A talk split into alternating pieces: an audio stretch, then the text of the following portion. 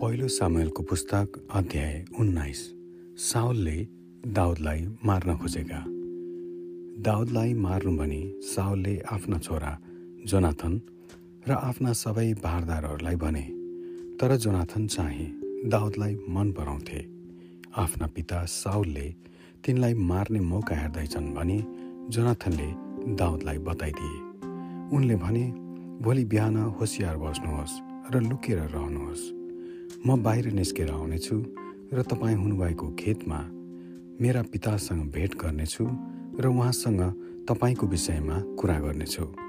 केही पत्ता लाग्यो भने म तपाईँलाई बताइदिनेछु।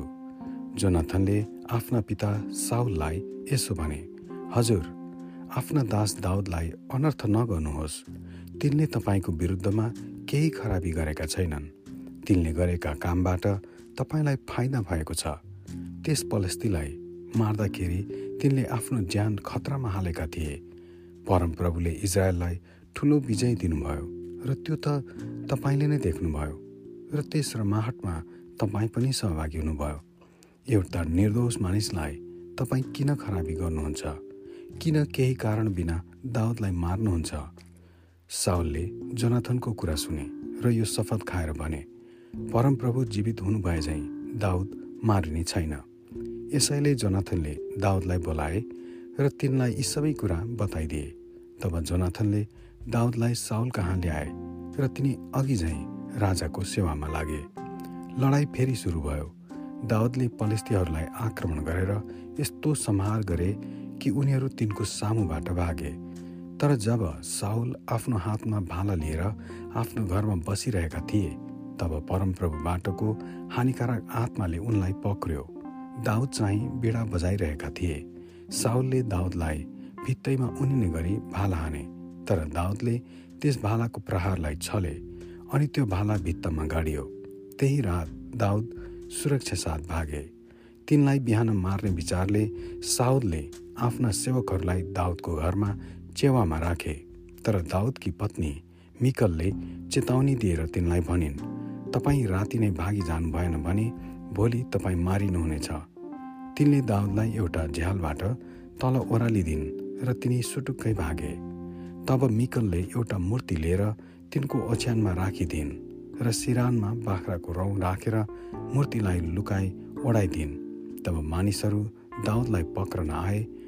तब तिनी र बिरामी छन् भनी मिकलले भनिन् साउलले तिनीहरूलाई फेरि भने त्यसलाई खाट खाटै समेत उठ।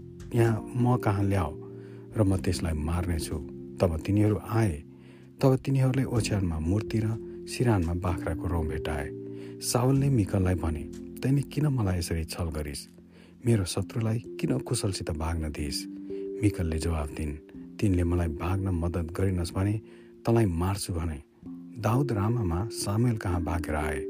र साउलले तिनीप्रति गरेका सबै व्यवहारको विषयमा समयललाई सुनाइदिए। तब तिनी र सामेल गएर नौयोतमा बस्न लागे। दाउद रामाको नयोतमा छन् भनी कसैले साउललाई सुनाइदियो। दाउदलाई पक्रन भनी साउलले एक दल मानिस पठाए जब तिनीहरूले समुएलको नेतृत्वमा अगमवक्ताहरूको दल जोसमा मग्न भएको देखे तब तिनीहरूमाथि परमेश्वरका आत्मा आउनुभयो र तिनीहरू पनि अगमवक्ताको जोसमा मग्न भए। जब यो कुरा साउलले सुने तब उनले अर्को एक दल पठाए। तिनीहरू पनि जोसमा मग्न भए। साउलले तेस्रो पल्ट मानिसहरूलाई पठाए र तिनीहरूले पनि त्यसै गरे। तब साउल आफै रामामा गए र सेकुमा भएको ठुलो कुवामा आइपुगे।